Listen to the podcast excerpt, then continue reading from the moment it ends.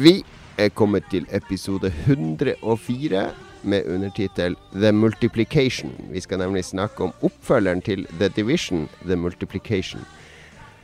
Det er mattehumor for oss som har gått på, på eh, Blindern og studert matematikk. Det har jeg faktisk. Jeg har 20 vekter av matematikk. Eh, hva studerte du på Blindern, Lars Rikard? Mye rart. Studerte litt japansk. Det er jo Vi sitter jo og prater tulle-japansk før vintersending. Og så studerte jeg eh, X-Pilot, eh, mitt favoritt-retrospill, i et Det år har du hovedfag i. Hoved- Hovedfag i X-pilot. Ja, godt, solid grunnfag, pluss, pluss, eh, vil jeg si. Det har jeg. Bra jobba. Doktor Phil, X-pilot. Eh, du Magnus Tellefsen, du har aldri gått på Blindern. Nei, ikke på Blindern. Men jeg har, Nei, eh, du- jeg har tatt er forberedende på, på universitetet. Ja, ja X-Fil, som det het i gamle dager. Med X-Fac, lingvistikkspesialisering. er ikke det sånn du må ha hvis du skal bli lærer? Ja, Det er for å komme inn på fakulteter. Så må du det. Ja, ok. Ja, men du, du, du, du driter i Blindern nå. Du drar bare du, bare du er en av de som sitter på T-banen oppover der, og som bare roll eyes når den stopper på. Blindern, og du ser alle de freaksa går av, for du skal være med alle de i dress og, og med Gucci-veske opp til BI. Yes, Da kommer alle sosionomene, da går de av, og så blir vi andre businessfolket sittende igjen oppe i Nydalen. Eh, men det er, det er faktisk litt gøy å sitte på morgenen og, og prøve å skille, skille studenter fra hverandre. For det, alle skal jo enten til Blindern eller, eh, eller til Nydalen. Så eh, det er gøy å sitte og Det er noen som er litt sånn som kan gå begge veier, og så ja, så sitter du og dømmer folk på åssen klær de går i, og åssen de ter seg, og hva de driver Ja. med og sånn. Det er vel noen som skal Det var vel sånn yrkesfag på Sogn òg, så det er jo en særlig blanding av studenter oppover på den banen om morgenen, vil jeg tro. Ja, det er kanskje det. Um, Ja, de fleste er vet om Eller de fleste jeg ser, går av på ett av de to stoppene, i hvert fall.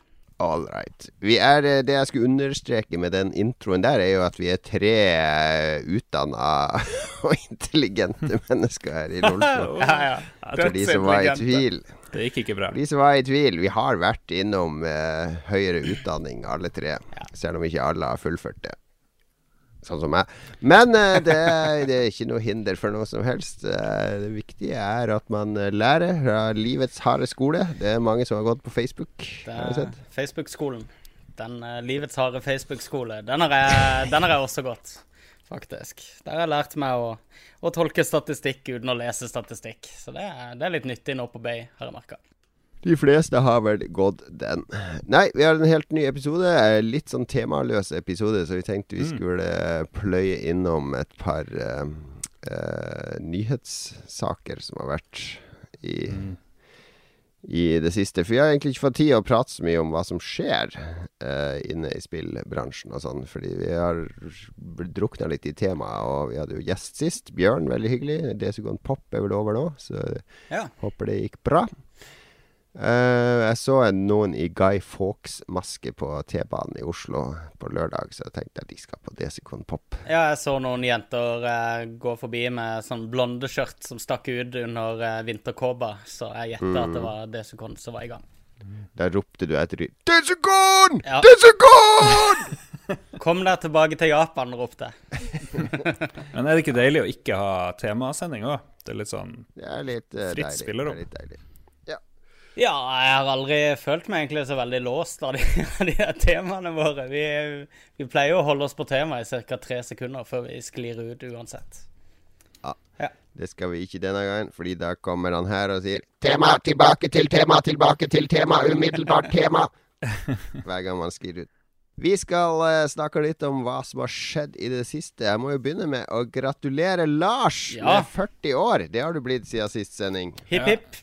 Takk, takk, takk. takk. Jeg Wow. hadde jo hatt bursdag da vi spilte inn forrige sending, men det glemte jeg helt av. Og det glemte mine gode venner òg av at jeg hadde blitt 40 år. Jeg var den første som gratulerte deg på GroupMe. Ja, Jeg tror jeg gratulerte deg to steder, jeg også, Lars. Ja, Jeg nei, føler, jeg- jeg føler deg innafor. ja. ja. Skal, ikke, skal ikke klage. Nei, så det Åssen føles det å være 40? det, det var jo skikkelig jævlig de tre siste timene da jeg var 39. Da var det, det var liksom, da sleit jeg. Da kom selvmordstankene og eh, ja, Kanskje ikke så ille, men jeg sleit. Jeg gjorde det. Jeg gjorde det. det Men du vet jo at når du er 39, så er du i ditt 40. år. Fordi det første året ditt er jo fra det er 0 til 1. Mm, det er veldig confusing. Eh, men ja. det hjalp liksom ikke å få det offisielt, følte jeg. Det ble bare verre eh, Mm. å, markere det. Men eh, nå har jeg glemt det helt, nesten. Inntil jeg skulle skrive hva som har skjedd i det siste. Fordi i dag så var det familieselskap, onkel, tante, søskenbarn. Alt det der der. eh, hjemme hos meg, og jeg er jo ikke den som lager kake og styr, så da moderen tok med kakegreier. Jeg har jo rydda opp og whatever. Kjøpte litt smågodt. Det var liksom min, mitt bidrag til Ikke sånn som Magnus hadde gjort det, tror jeg. Jo da, kos, kos med smågodt. Magnus hadde sikkert Om han hadde kjøpt smågodt, så hadde han av det før servering Ja, i bursdagen. sannsynligvis. Sannsynligvis. Ja, ja. Jo Ja, men det var bra feiring. Det er jo ofte sånn uh, Man har en håndfull av de her eh, vel runde bursdagene. Du har liksom når du blir 18, og når du blir 30, 40, 50, 60. Kanskje hvis du klarer å bli 100. Men det er liksom de som er Det er da man får litt sånn ekstra gaver, eller blir litt sånn ekstra stas. Fikk du, noe, fikk du noe bil eller eh, hus i Spania, eller noe sånt som de får ofte, de som er født i Bærum, har jeg hørt. Ja, Dessverre er det litt trangere kår her, så jeg fikk uh, lovnad fra mamma at uh, hun har sagt jeg må kjøpe meg et, et kunstverk lenge. Og det har jeg aldri fått gjort, men hun sa nå eh, nå kunne jeg kjøpe et enda dyrere kunstverk. Så jeg vet ikke helt. Jeg har ikke fått noen konkret sum, så jeg vet da faen hva det er. Jeg skal gi deg skal nummeret kjøpe. til min bror, som er veldig hypp på å selge kunst for tida. Ja. okay. Ja, nei, kunst er bra investering. Du er, du er jo. Du har gitt meg kunst før, eh, Lars, når jeg har gifta meg og sånn. Mhm. ja, jeg syns det er en kul gave å gi og få. Det, men det er jo fort, fort dyrt, da. Men eh, ja. Ja da, men det fins noen billige. Noen sånn elg i solnedgang. Det har jeg hørt du kan få til en rimelig penge. Og også en sånn eh, ganske heit sånn sigøynerdame som du kan ha over sofaen. Så ligger det så mye på internett. Du bare printer ut, og så kjøper du ei litt fin Ikea-ramme til ja. Det er, ja, det er Ja. Sånn Marianne Aulie-kunst fra bohus og sånne ting. Det, er, det er sånn med sånn skjøtterstokk som står som skrått over bildet, som er printa ut fra nettet fra en eller annen sånn her er Faktisk min, uh, min svigerfamilie har faktisk eh, litt Marianne Aulie-kunst. For jeg, Ja. før hun begynte med de klovnene, for Mm. hun lagde ganske fine ting før de klovnene, syns jeg ble ganske teit. Men de kjente hun jo uh, også når Ja hun da, var hun yngre. var jo, hun var jo venninne med min svigersøster. ja. Så ja, men eh, hun har laga mye fint. Uh, så ikke kims av gammel Marianne Aulie. Nei da, nei da. Jeg har, jeg har eh, kjelleren stappfull av kunst, faktisk. Fordi eksen min var jo kunstner, så hun har liksom Å, lagra sikkert 20 ganske svære delvis malerier, og noen av de er veldig kule, men jeg har liksom Ja, jeg kan ikke henge opp eksen sin kunst, Er det, kunst på er det din del av prenupen, eh, Lars? Det som ligger nede i kjelleren?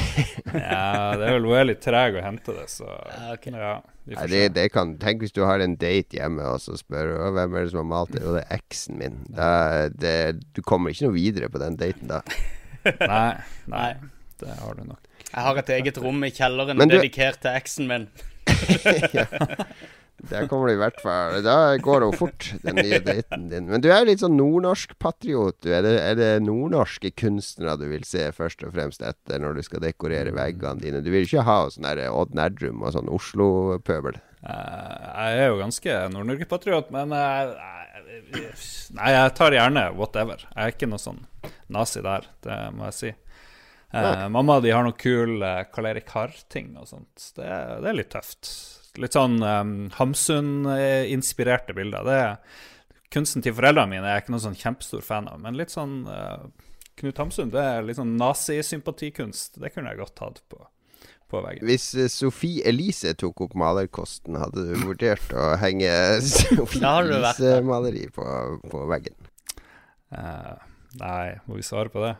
det selvfølgelig hadde jeg hengt opp Sofie Elise-kunst. Selvfølgelig. Ja, Ja, absolutt. Det hadde vel alle gjort. Ja, men Har du noe å dele fra ditt liv i det siste, Magnus, som ikke involverer å sitte over bøker og reise med T-bane opp og ned til Blindern? Uh, nei, eller jo, jeg har det. Jeg, har, um, jeg hadde middagsgjester nå i helga. Det det er ikke så mye. Men uh, jeg i hvert fall um, Etter at vi starta dette her, uh, kostholdstyranniet vårt, så, Ja. så har det jo blitt litt langt mellom de der gode middagene, for min del. De der eh, store prosjektene har eh, hatt veldig mye glede av å lage. Så nå er det mulighet til å Nå brukte jeg to-tre dager på å forberede ganske diger middag med kjøtt som lå i vann i to døgn i forveien, og masse, masse, masse greier. Um, og jeg satt jo litt sånn der svett i dag morges og, og prenta inn i den der kalorikalkulatoren hva jeg egentlig spiste i går. Fordi at jeg var litt påpasselig med å veie ting underveis og sånn. Og um, er, i den middagen så var det ca. like mye som jeg tar i meg på to dager ellers av kalorier. Så um, fikk litt dårlig samvittighet da jeg sto opp i dag morges og gikk meg en sånn to timers gåtur for å lette litt på samvittigheten. Så nå er, nå er jeg på vei mot eh, spiseforstyrrelser, føler jeg. Nå er, nå er vi på vei. Dårlig Ja, samvittighet for god mat. Da er vi der. Ja, men man skal kunne skeie ut én dag i uka, selv om man slank seg, har jeg hørt. Jo da, men uh, det er ikke så lenge siden uh, kjæresten min hadde bursdag, og jeg lagde komper og napoleonskake, og det var liksom min skeie ut da. Jeg har sagt at jeg kan ha én i måneden, så eh, det var vik viktig å nippe it in the bud og, og ta litt tak i det. Så. så det har jeg gjort siden sist, i hvert fall. Ja, siden sist har jeg Lars har hatt én 40-årsdag. Jeg har vært i tre 40-årsdager. Vi har min, eh, min kone fyller 40 år. Det vil si at Ja. alle vennene og venninnene hennes fra samme årskull på videregående blir jo 40 da. Så det blir en del 40-årsdager dette året. Eh, Sånn var det jo når jeg òg ble 40. Jeg har jo en god del venner som er jevnaldrende. De fleste av dine venner har vel snart 25-årsdag, er det ikke sånn det er, Jon? Den skjønte jeg ikke. Nei, men eh, vi hadde De er smart, noen av de der, for de har slått sammen De har gått sammen tre stykk da og laga sånn én felles 40-årsdag for de tre. eh, som de skulle ha her i Oslo. Og eh, der ville vi jo dra begge to, da, for det er jo litt kult med sånn ordentlig fest. At vi begge kommer, at ikke én sitter hjemme med ungene. Så så når du har unger, så er det litt logistikk å dra på sånne fester. Så jeg måtte kjøre dit Fredrikstad først, ungene. Og så skulle jeg hjem. Og så var det masse kaos den dagen med ting og tang som ikke gikk som det skulle. Så på, når jeg dro hjem fra Fredrikstad, det var klokka litt over seks. Og da skulle planen være at min kone da skulle dra på den bursdagen først, for den begynte syv. Og så skulle hun kjøpe med seg øl på veien, og så ringer og sånn herre to minutter over seks. Og sånn hva, ja, 'Hvor er du i løypa?' Ja, da var jeg på vei ut døra, sier jeg. 'På vei ut døra nå?' Du vet at ølsalget stenger lørdager klokka seks for to minutter siden. Altså bare panikk, panikk. Så hvis, eh, måtte vi rekvirere noen øl da fra mine svigerforeldre på Lørenskog, så jeg måtte kjøre en runde om dit for å få tak i øl. For det er også sånne ting du slutter å tenke på når du blir ja. så gammel som oss, at eh, å ja, det stenger da og da. For som regel har vi litt øl liggende, eller Det er sjelden vi skal på fest, da. Så jeg kjørte ut til Lørenskog. Ganske lei av å kjøre da. Det var sånn tre timer kjøring for å få levert unger og skaffa øl.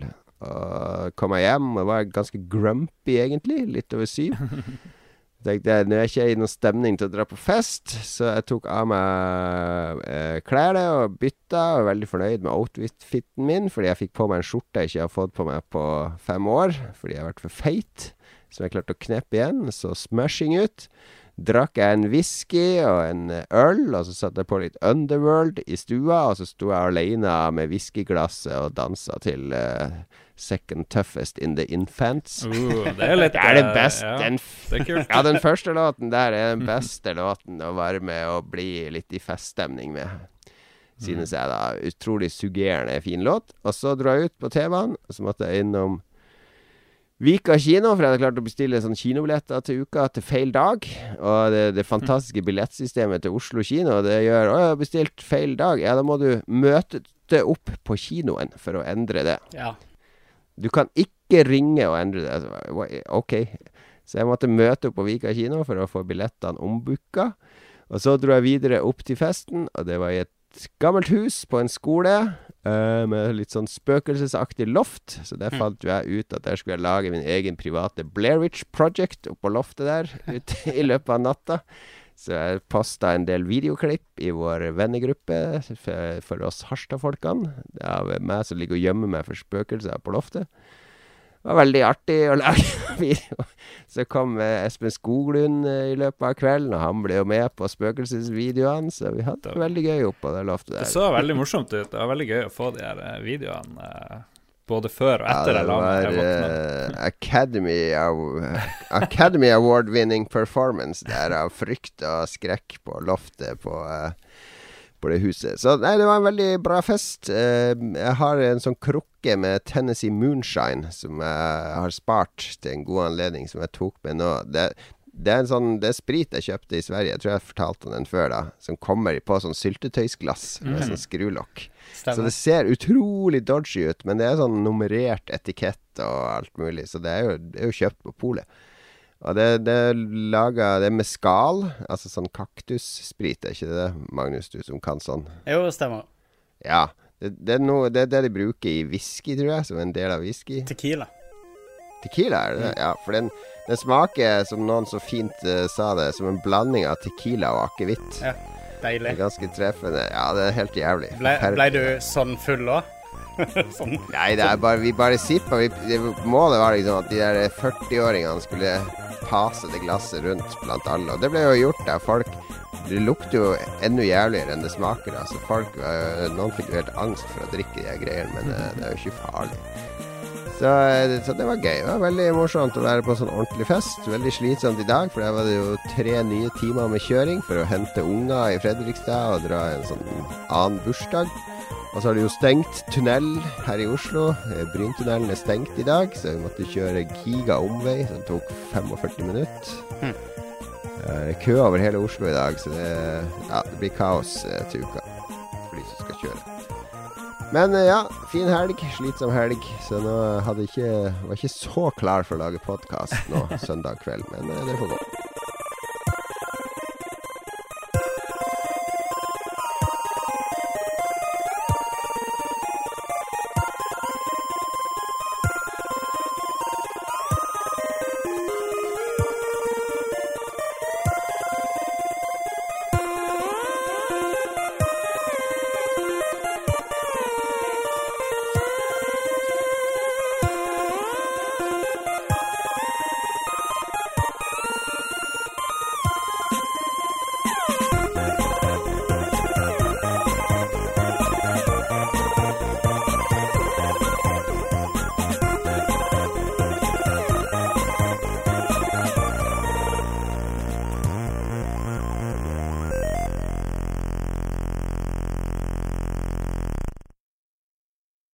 Hvert fall innom bror din sin eh, sånn flikkerside, Ja. Magnus. Det var jo dritbra.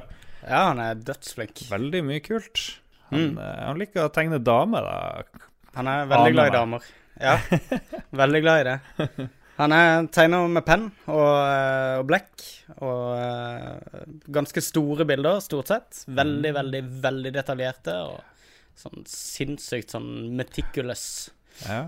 Nei, men Mye, folk må, mye rockabilly-kunst. folk må sjekke Andreas Tellefsen på Flikker. Dem syns jeg.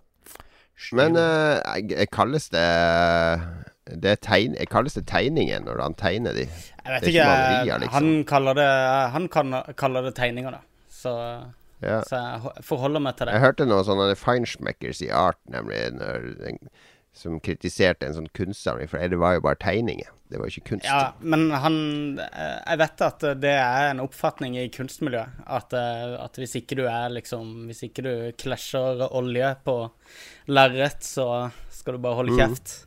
Ja, jeg, jeg, er ikke Nei, nei, Jeg nei, men det er-. Jeg kunne gjerne sånn- hatt tegneseriekunst på alle mine vegger og Ja. tegninger. Han har jo vokst opp med tegneserier. Sånn enorm interesse for tegneserier da han vokste opp, så, Ja. så det er en ting som har vokst frem, regner jeg med. Uh, mye Begynte med Don Martin, og så Sergio Aragones og mange av de Mad-tegnerne. Jeg har vært uh, gjennom hele greia, tror jeg. Gru og dette. Um, Men uh, nå er vi ferdig med å snakke om eh, min bror, i hvert fall. Kan legge opp den linken et sted. Gjør det. Du, eh, når vi var inne på kunst, forresten. eh, jeg har jo eh, langt på vei funnet ut hva som har skjedd med Run DMC-bildet vårt. Og, Uh. Og det er Ja, jo det er ikke jeg. For eh, nye lyttere vi, På episode 100 så hadde vi trykka ut sånne store artprints av tre av våre splasher tilpassa livesendinga. Dyrt som Og faen. eh, ja, Ja. en av de ligger og råtner bak i bilen min. En av de ga vi bort til En heldig vinner. eh, en heldig vinner eh, på selve sendinga. Ja. Og den ene ble sist observert med to kids eh, som løp midt på natta ut av eh, tilt, og løp nedover eh, gata med den mens de lo høyt. Yes. Og eh, vi eh, selvsagt bejubla jo dette tyveriet og mente at det var veldig i tone med åssen vi kunne tenke oss at dette bildet skulle forsvinne fra, fra Lolbua, da. Um, Og syntes det var veldig kult. Vi spurte jo også litt etter eh, om potensielle lyttere var blant disse tyvene, og om de eventuelt kunne sende oss et bilde av at det hang på en vegg et sted. Det får vi nok ikke se, for det er under forrige quiz så fikk jeg beskjed av en eh, både lytter og quizgjest at eh, noen han hadde snakka med, hadde sett dette bildet dagen etterpå ligge henslengt bak en container et sted What? nede i sentrum. Oh. Det, er, det er deprimerende, oh. syns jeg. Hvorfor tok han ikke, han som så det? Kanskje han for forbi på trikken? Jeg vet ikke. Ja, nå, ble, nå gikk jeg fra å synes de var kule, de kidsene, til å hate de litt, kjenner jeg. Det var ikke noe fett gjort. Hvis du skal stjele noe, så heng det opp. Åh, det irriterte meg litt. Men uh, Så det er den, den sannsynligvis den, det bitre endelikt for uh, en tredjedel av, av Lolbua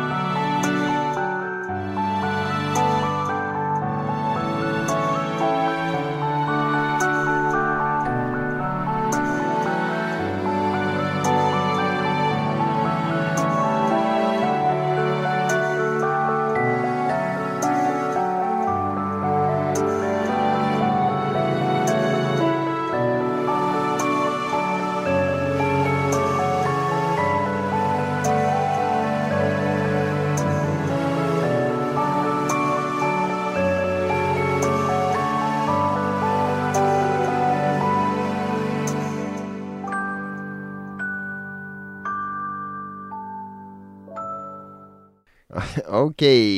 Fest og fyll og middag eh, og 40-årsdager. Eh, vi skal tilbake til eh, det podkasten egentlig handler om, nemlig spill. Hva har vi spilt i det siste? The Division har vi spilt, noen av oss i hvert fall. Divisjonen. Divisjonen. Eh, jeg la ut en fantastisk uh, regnespøk, følte jeg, på eh, Facebook. Vet, jeg prøvde meg i starten òg med Ja. multiplikasjon. Multiplikasjon, divisjon Ja. Eh, addisjon, Det er mulig det ikke er verdens beste vits likevel. Men ja, har du spilt det?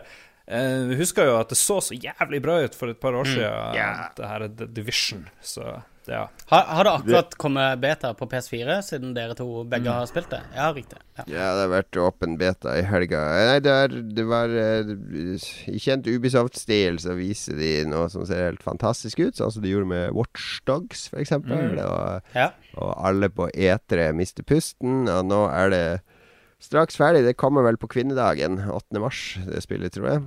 Eh, ja. Og det er litt sånn da, ja, det er sånn New York eh, ramma av en pest, er det ikke det? Jo, en Eh, sånn kalkulert eh, Eller, ja, det er et utbrudd som Ja, visse utbrudd som grupperinger skjedde på Black Friday. Altså eh, er liksom anarki i byen, da. Gjenger som har tatt over. Og du er en del av en sånn der eh, militær, eller er sånn Jeg vet ikke om det er sånn militia, eller er sånn Du er i hvert fall en del av en sånn gruppering da som prøver å ta kontroll og skape orden i byen igjen. Sons of Odin, med andre ord. Ja, noe sånt. Sons of Odin. Så, eh, så det er en blanding av uh, third person, sånn dekningsbasert skyter, og rollespill. Litt sånn Destiny møter Gears of War møter World of Warcraft, Mm. vil jeg kanskje definere det som. Ja. Ja. Veldig spennende i utgangspunktet. da. Eh, når du tar opp kartet, så blir kartet på gata. Det blir sånn augmented reality-kart. Det er noen sånne nyvinninger som er litt tøff. Og Ja, det var veldig kult. Det er jo sånn de har henta fra andre Tom Clancy-spill. eh, Det var veldig mye sånn augmented reality-ting i uh, Splinter Cell-serien. Splinter Kjell-serien er Splinter Kjell, ja. flink å leke med det, ja. ja. Ja. Men hvor, du har spilt det en del, eh, Lars, også sammen med vår venn Robin, så jeg på Mm. Snapchat. Ja. Ehm, det jeg la merke til først, var at det minte veldig om Destiny, uh, av en eller annen grunn.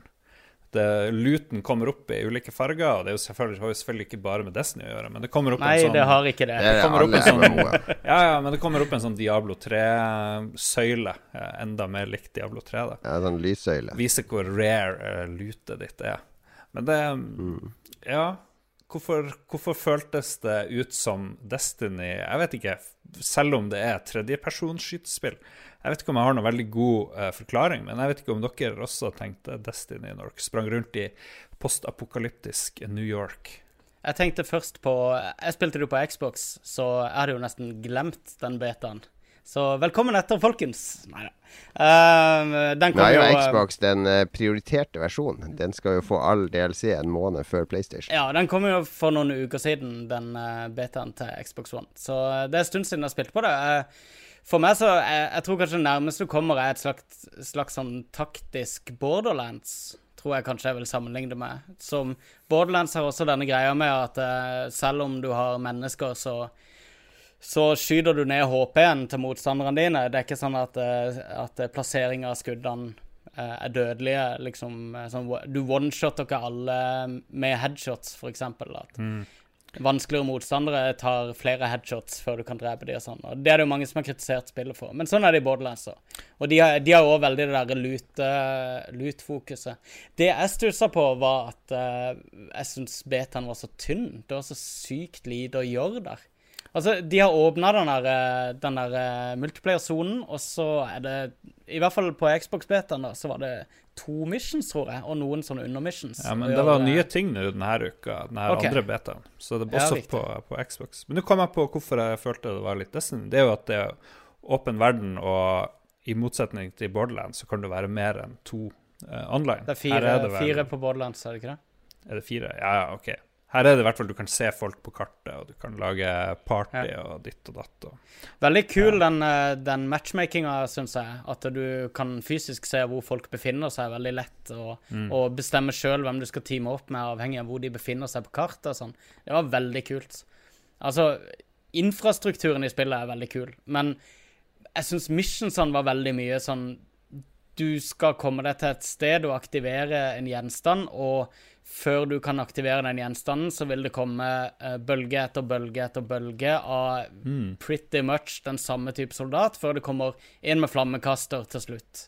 Og, og det bare gjentok seg på alt jeg gjorde, følte jeg. Jeg, jeg var litt skuffa over å, å lite variert også. Det var ingen med flammekaster da jeg spilte nå. Jeg tror det var ganske forskjellig, den her første og andre.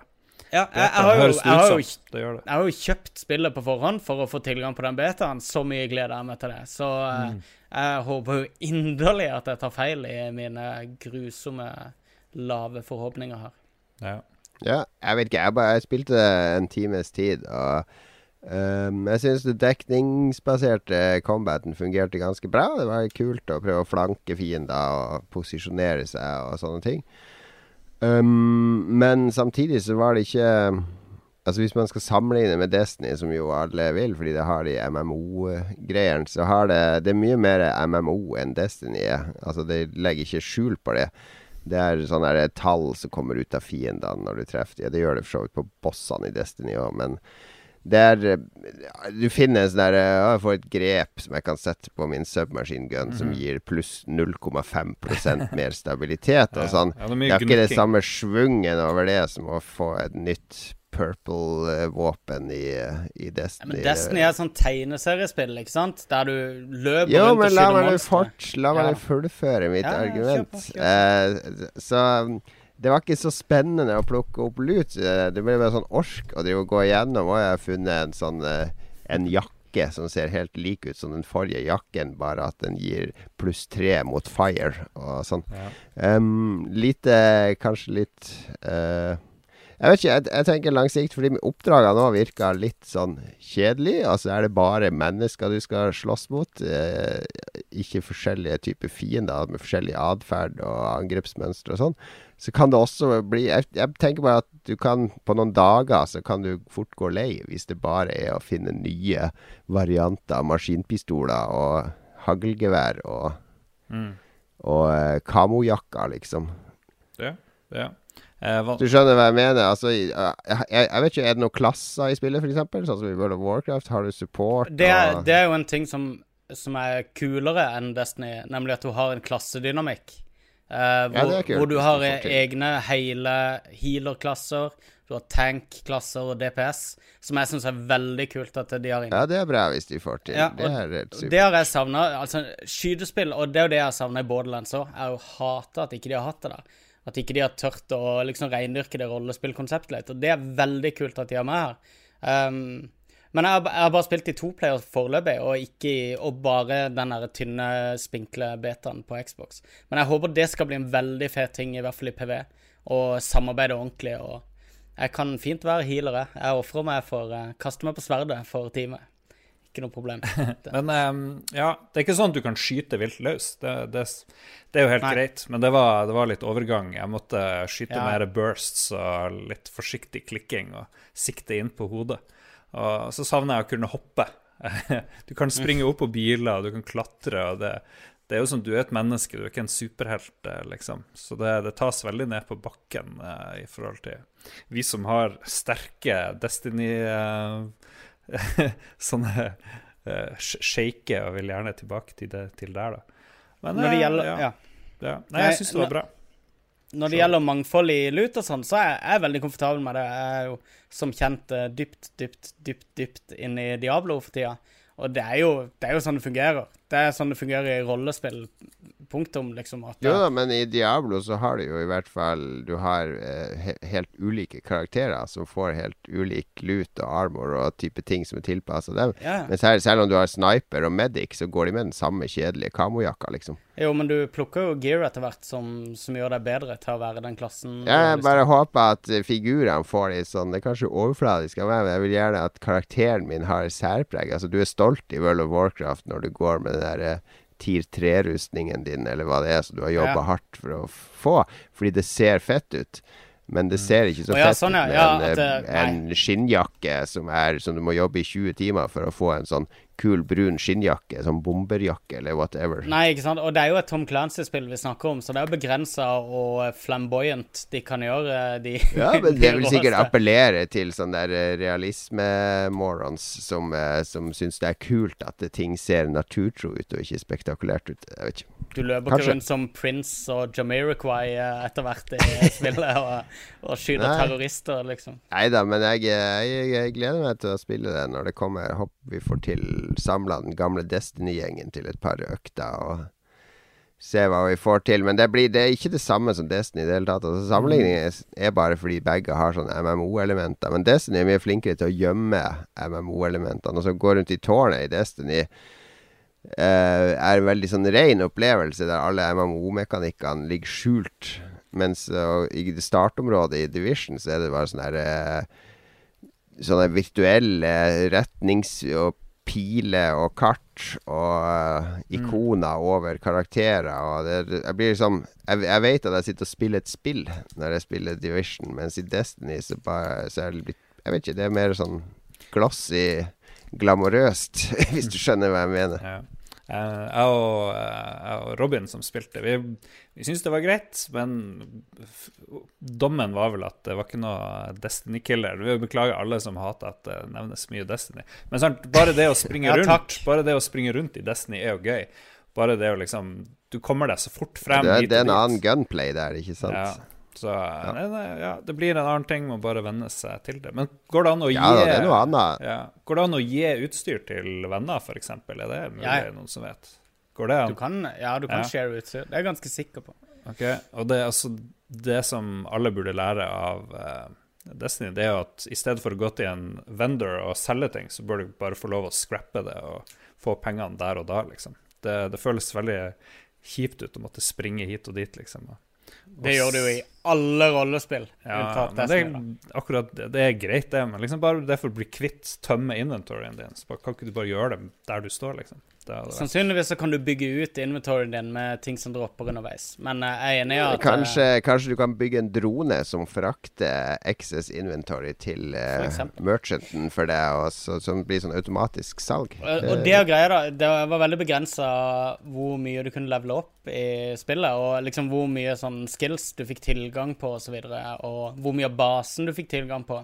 Um, jeg fikk i hvert fall se en, på de der uh, gameplay-videoene de har vist, da, så er det veldig mye fet teknologi som jeg i hvert fall ikke har prøvd ennå ut i spillet, da, med sånn uh, granater som, som liksom er varmesøkende, og fete sånn dronegreier og den, Og en annen veldig kul greie i spillet er denne greia med at du kan sondere området etter fiender, og når du er i team, så er de du ser, kan også uh, de andre i teamet ditt se. Som er veldig viktig for, eh, for uh, åssen en går frem som lag, da. Så det virker som de har lagt veldig mye fokus på lagspill, og det, det er en pluss. Uh, Lagarbeid er viktig. Har vi fått noe lytterinput på Ja, Division, masse. eh, Lars? Vandrefalk har virkelig uh, hjulpet oss her. Han sier at man kan scrappe items hvor man vil. Du kan Fordele kaste de. Nei, du kan scrappe de for deler til crafting uten vendor. Ah, Eh, men Ja. crafting-delen var låst i alfa. Player trading er ikke med. Um, du kan ta på autohide uh, UI uh, det her, Ja. eh, og HUD-tingen for å liksom slippe piler og ditt og datt. Eh, og så sier han òg at Hva er vitsen med å ikke ha med player trading? Det må jo gå etter hvert. det, det, jeg har funnet en fet sniper. Hva med at du som er sniper, Ja. kan få den hos meg og bruke den? Fordi det her handler om lagarbeid. Ja. Men jeg kan det utstyret mitt er mitt. Ja, det er jo helt på trynet hvis ikke det går etter Men vi vet jo ikke hva som kommer i en ferdig versjon. Neida. Mm. uh, og så sier han at det var små tweaks mellom de to betaene. Uh, et extra mission, flere fiender, ekstra turret ability og noen små endringer, spesielt i dark zone. Så, Ja, det er kult. Dark Zone var gørrkjedelig de timene vi var der og spilte, i hvert fall. Europe. Og så har vi noen andre bidrag. Eh, Vegard Megaman Mudenia spurte på Facebook om dørene fungerte like bra som før. Det var jo en så stor greie i den første videoen hvor eh, alt så mye bedre ut enn det det ser ut nå. Man kunne springe bort i en dør og så lukke døra på en bil der du skulle ta cover. Eh, fungerer døra like bra som før? Jeg så aldri noen åpne dører, eh, må jeg si. Jeg Eh, han, Thomas Landgaard fra Microsoft, som har spilt sammen, han som har vært gjest her, Mm. eh, han hadde som personlig mission å lukke alle bildører han så. så uh, han brukte sykt lang tid på, på å tråle gatene etter, etter bildører som kunne lukkes. Da. Så, Ah. så det, mekanismen er der i hvert fall om å lukke dører, om ikke å åpne. Ok, da gikk jeg bare glipp av det. Uh, Ståle Baldvinsson, som jeg ikke vet om vi har hørt fra før. Hallo, Han Ståle. er i slekt med Alec Baldvinsson. Ja, garantert.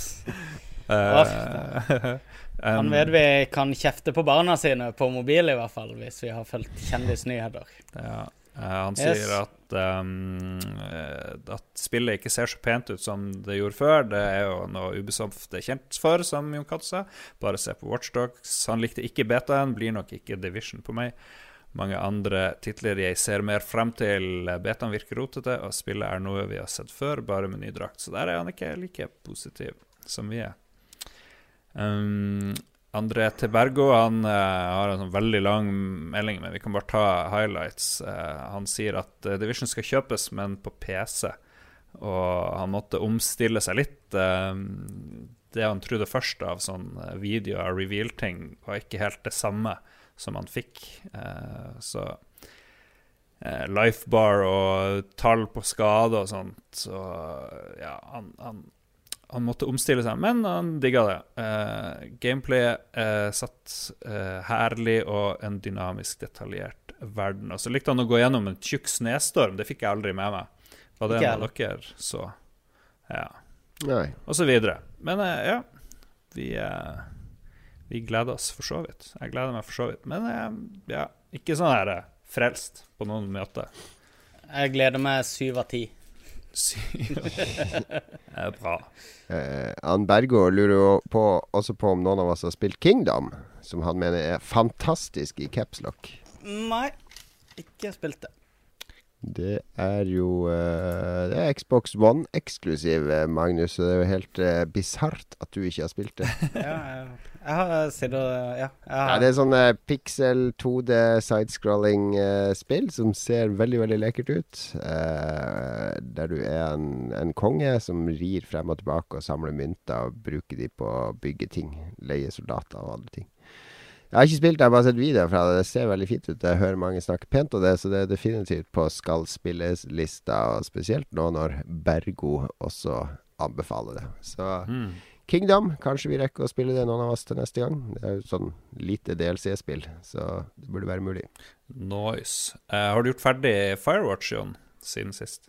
Nei, jeg spilte en dag til, fordi det så det kom en patch. Så Patch. tenkte jeg nå har 1.02 kom i dag, ja, tror jeg. ja, ok, ja, er 101 som hadde kommet. Jeg tenkte yes, nå har de fiksa alle disse eh, lag spikes og sånn. Men det hadde de jo ikke, så da spilte jeg det bare litt til og tenkte at jeg får fortsette når de har fiksa litt mer.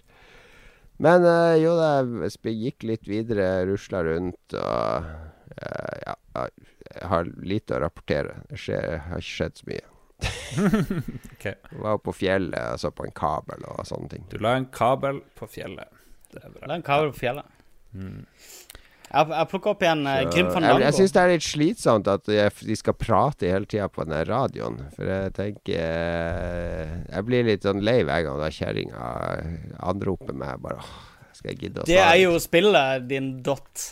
Ja, jeg liker å gå rundt i naturen og nyte fred og ro. Og, Jo. så der, og der dama hele tida de Kan du fortelle meg om kona di? Jøss. Yes. Mas. Mas. Ja, men da spiller du ikke spill, eh, Jon. Det er jo, dialogen er jo halve gameplayet. Jo, men jeg må da få lov å synes at, dialog, at, eh, at det er slitsomt. Ja, ja. Ja, jo, du kan det. Ja, jeg syns det er slitsomt å bytte CD-plate når jeg spiller Seventh Guest. Ja, men det er hele spillet Ja, men er å bytte CD-plate. Hvis du syns det er så slitsomt å løse puzzles, og du heller bare vil ha noe skyting, da spiller du feil spill hvis du spiller Seventh Guest. Ikke sant? Ja, Og ja, det er mer men det det er snakk om, da. Eh, Du må spille det på spillets premiss. Det sto ikke på eska til Firewatch at uh, det var det prate et hørespill. Ja, det er det. Langt på vei, det. Jeg, jeg begynte å skjønne at det er et hørespill. Det er, som, det er som å gå rundt og høre på en podkast, bortsett fra at jeg må drive og svare den personene på podkasten hele tida. Ja, det er det det er. Akkurat som skytespill er en actionfilm der du må drive og skyte, i stedet for ja, å se at noen andre sånn, gjør det. litt sånn. Men jeg, jeg trodde det var mer sånn exploration, og ikke bare den der eh, snakkinga hele tida. Ja. Men eh, det er greit. Det er greit. Jeg bare påpeker mine inntrykk. Ja, ja, ja, ja. Beklager at jeg ikke eh, At jeg ikke syns dama di er pen. Oi, oi, oi. Mener du det òg nå? Eller tok jeg en analogi med at Firewatch var din dame, for Ja, du er jo åpenbart det. Forelska i spillet, da. Så Ja, da må jo alle være ikke. enige om at hun er verdens peneste. Ja, men du hørte jo hva jeg hadde å si om spillet sist. Er Ja da, noe- ja da, men du er glad i Firewatch. Det er ikke en greit, det. uforbeholden Det kjærlighet. Nei, men det er lov. Det er lov. Det er lov. Og jeg beklager jeg kalte det en dot. Dot er jo Day of the Tentacle, så det er jo en hedersbetegnelse å bli kalt for Dot. Det er mye bedre, verre å bli kalt for uh, En fjott. Eh, Ja, hvilket spill er det? Uh, han har Apropos, uh, right. apropos Ja. ja. bare sånn eh, kjapt. Apropos Day of the Tentacle og Lucas Arts og Lucas Film Games, så hørte jeg på den her Thimbleweed Park-podkasten, som de har en kjapp liten sånn oppsummering hver uke. Stort sett bare 20 minutter. Hva skjer med det her point and click-eventyret som er crowdfunda? Men denne uka så hadde de spørsmål fra lytterne. Og så spurte de folk om Uh, Hva heter han hovedfyren i Thimbleweed Ron Park? Gilbert. Ron Gilbert. Om man ofte så Og om de andre som jobba der, uh, så George Lucas ofte. Og det gjorde de egentlig ikke. Det var stort sett bare da Steven Spielberg var på besøk på den her Skywalker Ranch, hvor de først hadde spillstudio. Ja. og, og det var fordi eh, Spielberg var mye mer interessert i eh, datating enn han eh, George Lucas. Og da ble han òg litt sånn gira, så da for de ned og kjekk hvordan spillene var. Men det hørtes ut som de var bare sånn her et par ganger i året at han selveste Lucas tok seg tid og gidda å stikke innom og se hvordan det gikk med Ballblazer og de her eh, andre spillene. Koronis Rift og Eidolon. Det var mye kule spill de lagde i starten på LucasArts. Tim Schafer har fortalt om det, om eh, åssen de de, de jobba jo på Skywalker Ranch, ikke sant, sammen med alle de andre, men de var liksom plassert liksom sånn ned i kjelleren innerst i et lite rom der det var ingen som besøkte dem, ingen visste hvem de var i det hele tatt. De var oppe i stua der en gang, visstnok, akkurat når de begynte å jobbe der. Så, så de var litt pariakastet i, i den verden der, i hvert fall på den tida. Det er mulig Lukas har blitt mer interessert med årene. Ja. Ja, jeg jeg- Lukas slår meg som en person som ikke er interessert i noe som helst. Det er nok Han gir litt til veldedighet, men jeg føler han er Hvis du får velge Hvis, hvis du skulle være med i Firestjerners middag, og George Lucas var med sammen med deg, så tror jeg han hadde hatt sånn skikkelig kjedelig middag og kjedelig underholdning og Ja, kjedelige middagshistorier. Veldig dyrt og veldig riktig. Og ikke noe mer.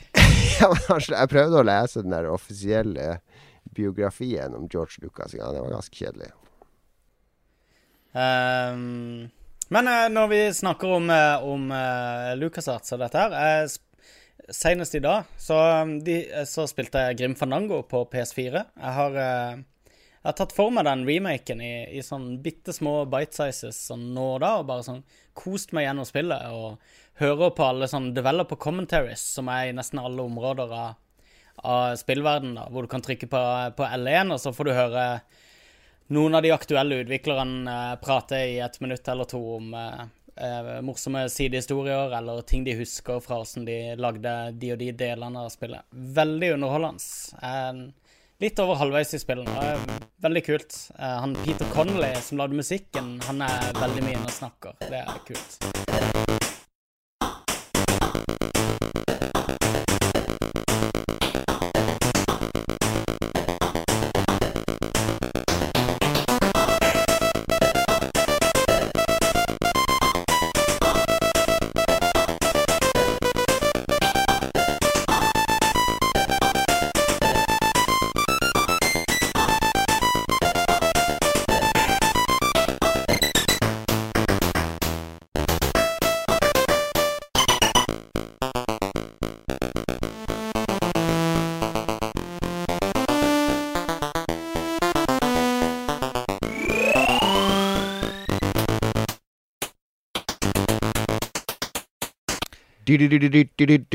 Det er nyhetsspalten i uh, Lolbua. Det er lenge siden vi har, vi har hatt mange forskjellige nyhetsvarianter i Lolbua. Vi har hatt sånn nyhetsduell, der to nyhetssaker har konkurrert mot hverandre. Vi har også hatt um, der vi har tatt for oss nyhetssaker fra norske medier og gitt terningkast til de norske mediene.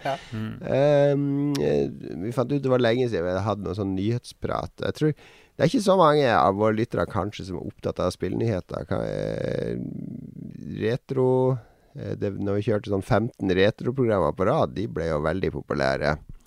Eh, men men kanskje en sånn nyhetsspalte i måneden er nok, så kan vi liksom ta opp litt sånn ting som har skjedd, og komme med våre Vi har jo gått på BI og Blindern alle mann, så vi har jo vi har jo utdanning i ja, det her, så våre, våre Vanvittig Våre kommentarer og analyser De blir jo hørt Mm. og lest og, og, og granska eh, både i Norge og internasjonalt. Og Så som- her er Som dere vet, så det er ikke nyheter før det er filtrert via Lolbua.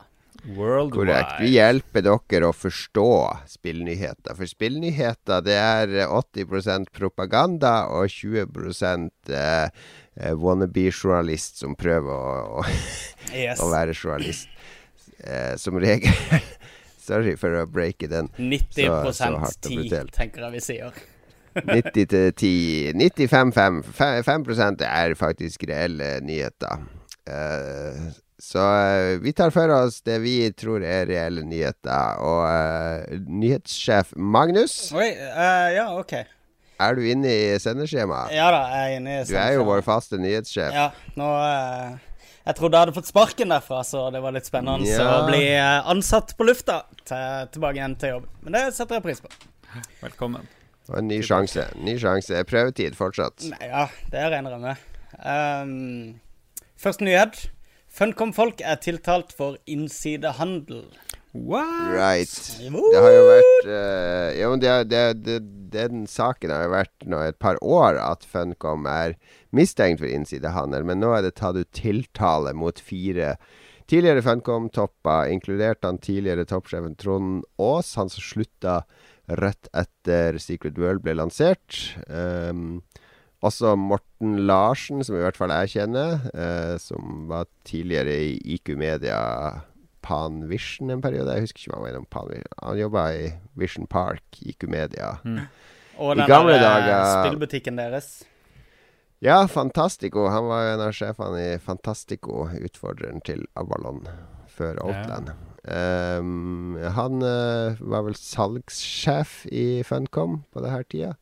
Så de er tiltalt for innsidehandel, dvs. Si at de har solgt aksjer med informasjon Ja, så de har hatt Ja, informasjon er- som har gjort at de har solgt aksjer. Ja, ja, og de har vært også Jeg vet faen om det er innsider, men det er i hvert fall de har lata som at forhåndssalget var bedre enn det var Ja, gitt misvisende informasjon Ja. til børsen og til, til aksjonærer. Ja, det er, det er litt sånne ting. Det er det.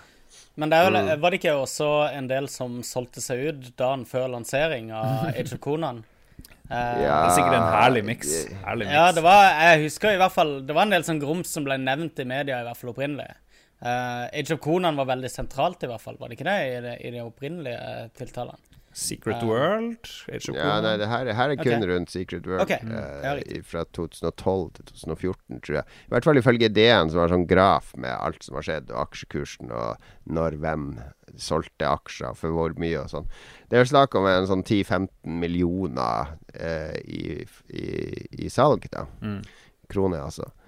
Eh, så det er vel um, jeg, jeg vet ikke hvor Det er vanskelig å ta stille Altså Det som er problematisk, er jo når du har et firma på børsen, da.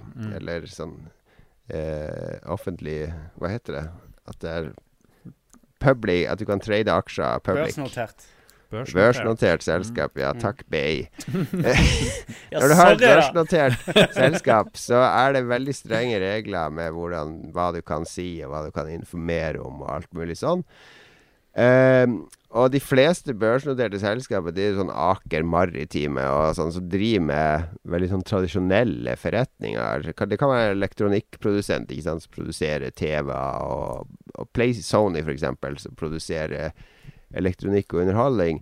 Men når du er et selskap som lager dataspill eh, så er det veldig mye å, å lage dataspill handler jo om å hype det på forhånd, ikke sant? Og da, hvordan skal du hype noe når du ikke kan pynte litt på sannheten? Det er jo det du gjør når du hyper. Du presenterer ting fra sin beste side for å generere interesse. Samtidig så har du en forpliktelse til å være helt ærlig med, overfor aksjonærer, altså offentligheten. Nei, aksjonærer er jo ikke Det er interessant. Aksjonærer er jo de som faktisk har gitt deg penger for å gjøre det du gjør. Det er de som Jo, de eier en del ja, av altså det, og, du kan jo ikke si at du har 100 millioner av forhåndssalg for å selge aksjer, ikke sant? Nei, du må nettopp. si hvor mange faktiske forhåndssalg du har, Ja. sånn at en potensiell aksjonær kan ta en vurdering basert på fakta Ja. om man vil investere, om man vil kjøpe aksjer eller ikke. ikke Men du kan heller ikke lyve til aksjonærene, og det, er vel kanskje der de har uh, feila? Jeg vet ikke. At uh, det er- det er For å unngå at folk sak. selger seg ut, det er vel stort sett det der. At de er redd for å miste aksjonærer. Men Jon, ja. har du fått aksje i, eh, i Krillbite? Jeg har ikke aksjer i Krillbite ennå, nei. Har du ikke? Ok. Har du ikke? Ja. nei. Hvorfor ikke? Det er jo en stor svakhet. Det er jo Ja, vi får se om det blir noe ordning på det. Om det blir en uh, takeover. Da foreslår jeg at du leser deg opp på agent, eller prinsipalagentproblematikken, prinsipal agentproblematikken, eh, Jon Cato. Med tanke på at du ikke har noe eierskap i bedriften. Er Jeg er ansatt som eh, daglig leder. Hvis, hvis Statoil tilbyr meg å være daglig leder, så trenger jeg ikke aksjer så lenge jeg får uh, Jo, men det er jo ikke uvanlig det, å få eh, aksjer i tillegg til lønn. Ja, det, det, kan, det kan man få. Det er Grunnen til at man gjør det, er nemlig prinsipal uh, agentproblematikken går ut på at uh, daglig leder, siden han ikke har noen egentlige interesser i bedriften annet enn lønna han får, så begynner han å mele sin egen kake i bedriften i stedet for å gjøre det aksjonærene ønsker. Ah. Og da er en måte å motvirke det på, er å, eh, å gi aksjer som bonuser til ledere, sånn at de også blir eh, ramma av Ja, at de mm. er interessert i det samme som aksjonæren. Ok, lærte vi litt. Advarsel, advarsel, BI-stoff, BI-stoff, advarsel. Tilbake Ja, men det er til nyttig. sporet. Det er, det er, det er mye, mye Ja, det er- jeg kul skal- jeg tar- allmenn eh, Jeg tar gjerne aksjer. Det kan godt hende at jeg får aksjer snart, eh, men eh, I stedet for lønn. Da Men begynner varsellampene det er ikke pga. noe sånn der bedriten prinsipal agent-prinsipp. Høres ut som et kongespill. Prinsipal agent. Ja, ja. Den prinsipale Principal agenten agent. kan du trykke opp i rattata. Um, Ok, Vi kan vel ikke konkludere med noe når det gjelder Funcom-tiltalene, fordi vi, eh, vi kan for lite om eh, børs og katedral, Mm. som det heter. Så eh, ja. Lykke til til alle involverte, kanskje. Ja, lykke til. Det, ja, det skal være litt rock'n'roll i spillindustrien. Og litt underslag eventuelt. Litt sånn her juks. Det hører med, syns jeg. En ung Men seriøst, altså alle vi som alle, alle vi som kjenner spillbransjen, og som har fulgt litt med på den der uh, Funcom-aksjen og ser at den går opp, opp, opp før lanseringen av et produkt, og så ned, som den har gjort to eller tre ganger nå. Det er ikke noe rocket science å investere i den Funcom-aksjen. Du kjøper når den ligger nede på en krone, og så selger du hvis de klarer å få den opp i 20-30 kroner. Ja.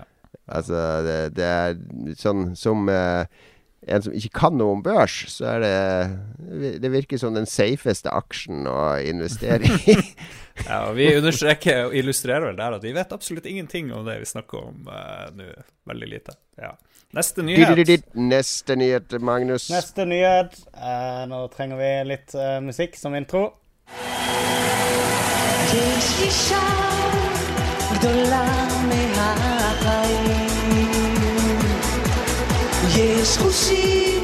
Så kan jeg si HTC Vive til 800 buckaroonies. Yes, Det er jo da Valve sin VR-løsning, som Magnus ikke visste før sending her. Jeg visste ikke at eh, Eller jeg husker ikke at det var HTC som hadde et, Ja, det er HTC blandet seg inn der. Men er det Vive, eller er det Vive?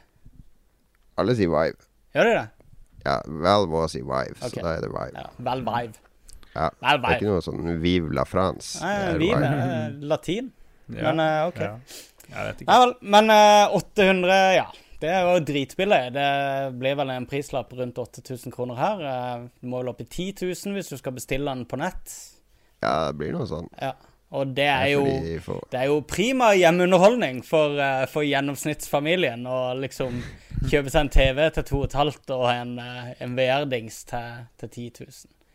Ja, ja, men det er litt sånn Det fins uh, forsterkere til uh, 150 000 for de som vil ha det. Alt trenger ikke Ja. være for, for hjemmeunderhold Eller for Nei. familieunderholdning, liksom. Men tingen er at eh, den samme musikken kan spilles på en eh, radio med én høyttaler som styres av et eh, lommebatteri.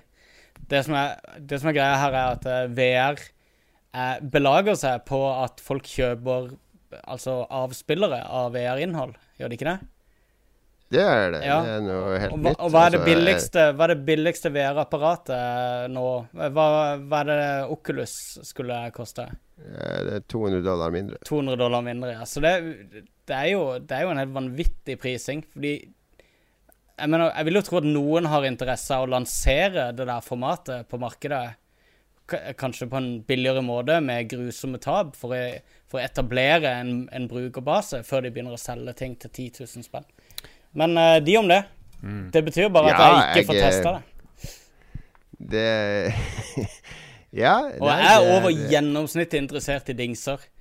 Langt Ja, ja, over gjennomsnittet. Eh, og jeg kommer ikke til å kjøpe verken Nei, nei, jeg kommer ikke til å kjøpe det jeg heller, men jeg har jo muligheten til å teste Ja, det. For jeg har tre sånne det. liggende på kontoret. Sånn og jeg må ærlig innrømme at 800 bucks, det er Det tenkte jeg, ok, det er uh, kanskje litt under hva jeg trodde de kom til å ta for den, for det er ganske mye utstyr. Og den hjelmen er mye mer avansert enn Oculus-hjelmen med de sensorene og sånn. Mm.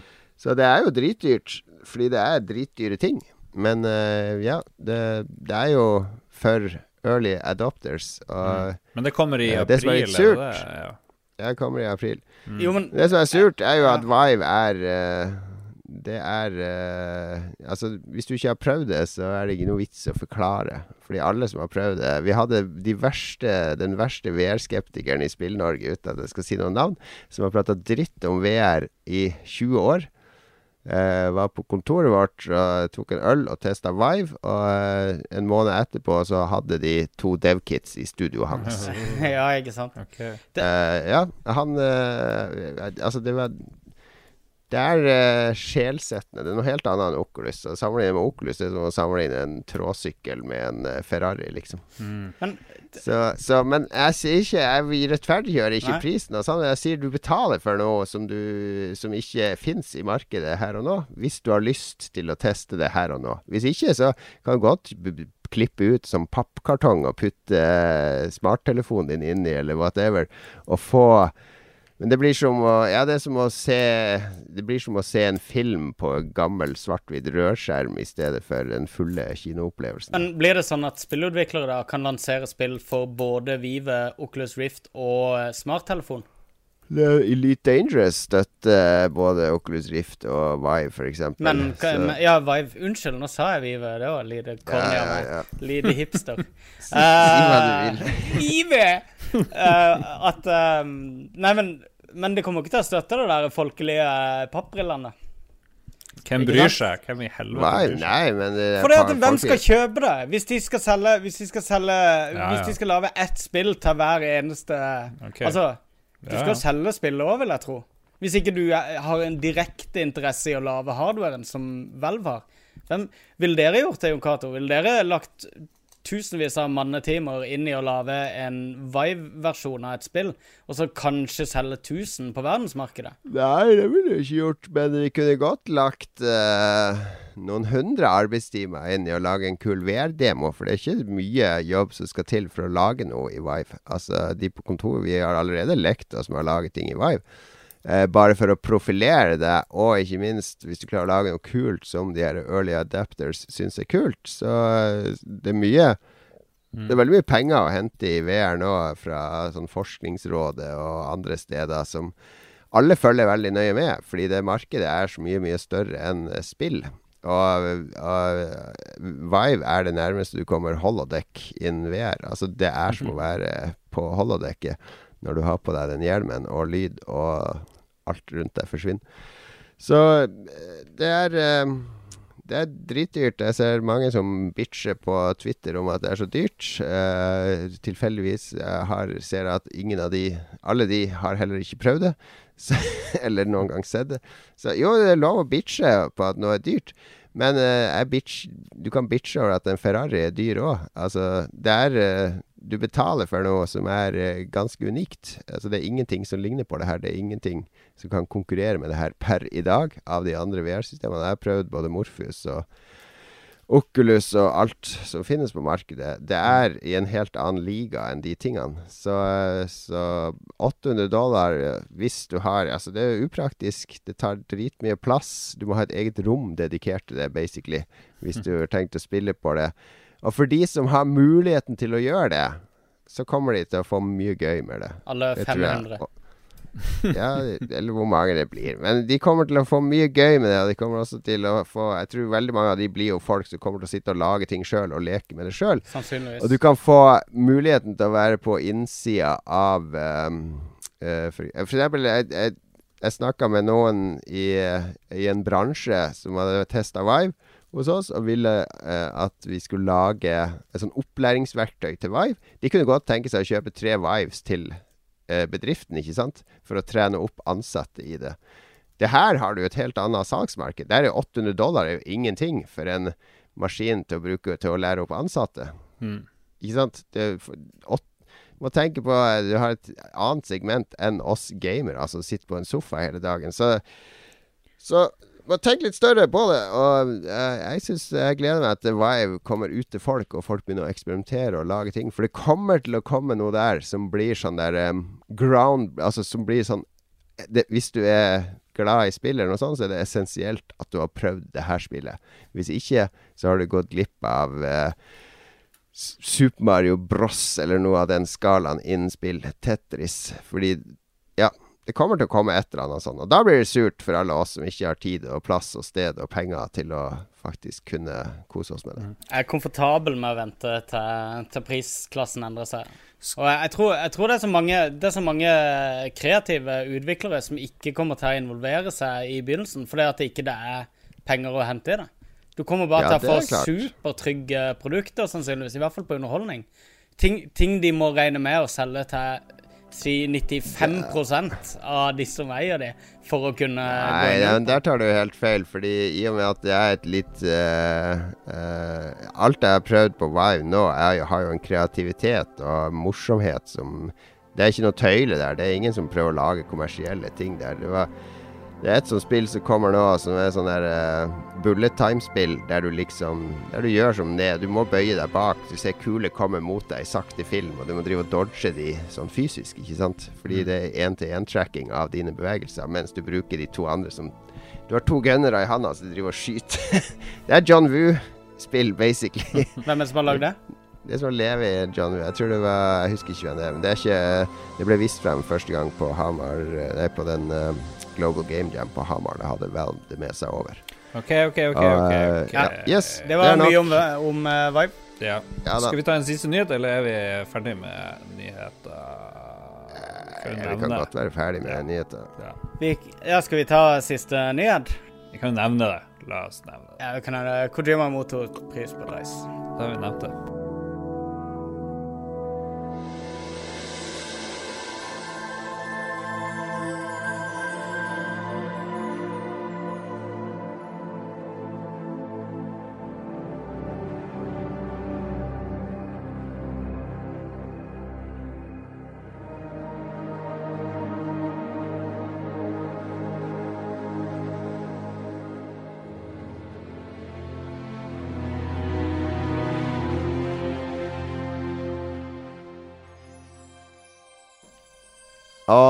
All righty. Det er på tide. Litt sånn klassisk episode der. Um, vi avslutter med uh, lytterspalten, der vi tar med oss Nordlands tuba.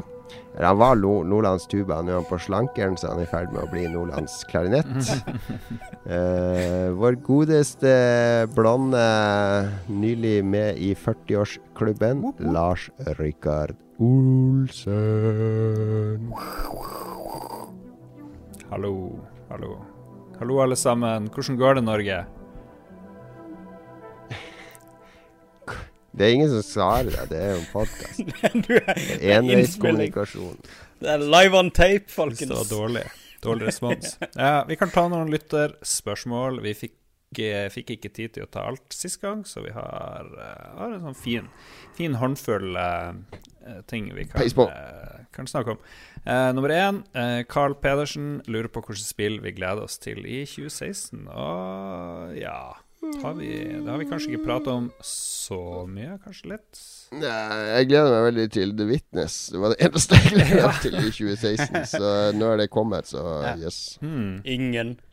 Um, ja, jeg gleder meg litt til det der nye um, Michel Ancel-spillet. Skal ikke det komme nå i år? Det er Nature Wild? Nei, Wild, er det det?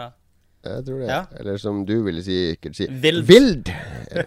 Siden du skal Vild! uh, ja, det gleder jeg meg veldig til. Det så dritkult ut, syns jeg. da Jeg har gleda meg til et nytt uh, spill fra den kanten. Mm. Eh, jeg vet ikke, jeg tenker bare noen måneder av gangen frem i tid, så jeg har egentlig ikke klart å samle meg helt på det. Ny Mirror's Edge kan bli fett, også, tror jeg, hvis jeg skal snakke stortitler.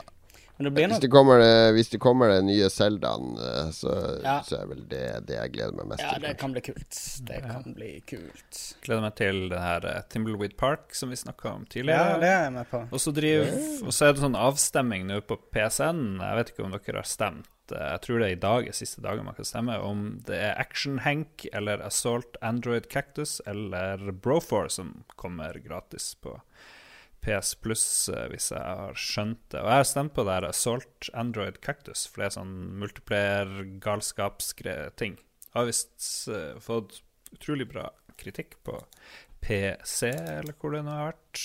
Men Broforce har jo mange likt, så det er den som leder i avstemninga. Men jeg har gått for det her kaktustingen. Jeg er veldig glad i sånne couch-coop-ting her i, i stua. Så det gleder jeg meg til. Ja, du er jo, eh, du er jo den generasjonen over 40 som, eh, som ikke forstår deg på dette med internett-coop. Ja, sånn er det. Internett? Er det BBS? Er det det? Det er akkurat det det. Ja. Men noen sånne andre store greier Jeg vet da fan. Det, Ja, jeg har faktisk glemt å tenke på det. Uh, Jeg gleder meg til uh, Destiny-folka sier at det kommer en stor expansion i år. Så den gleder jeg meg litt til. ja, ja. Og så gleder vel du deg til mye Vita-ting, Magnus?